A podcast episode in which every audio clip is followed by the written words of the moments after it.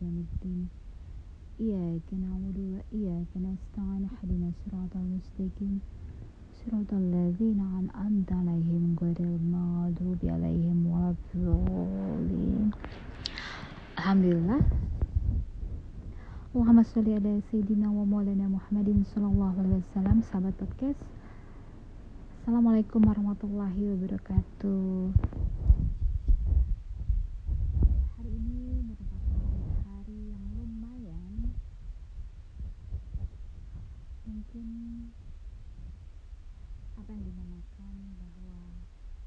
balasan bagi orang-orang yang menahan laparnya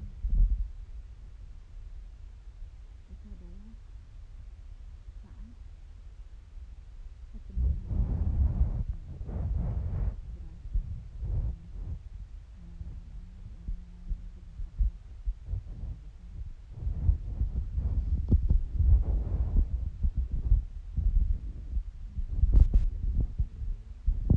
menahan lapar yang bikin berat.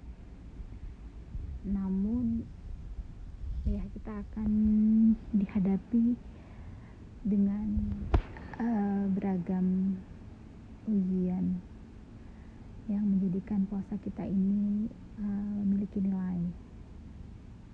Bukan hanya sekedar menahan lapar dan haus namun ada poin yang bisa kita petik ya bagaimana kita melawan hawa nafsu melawan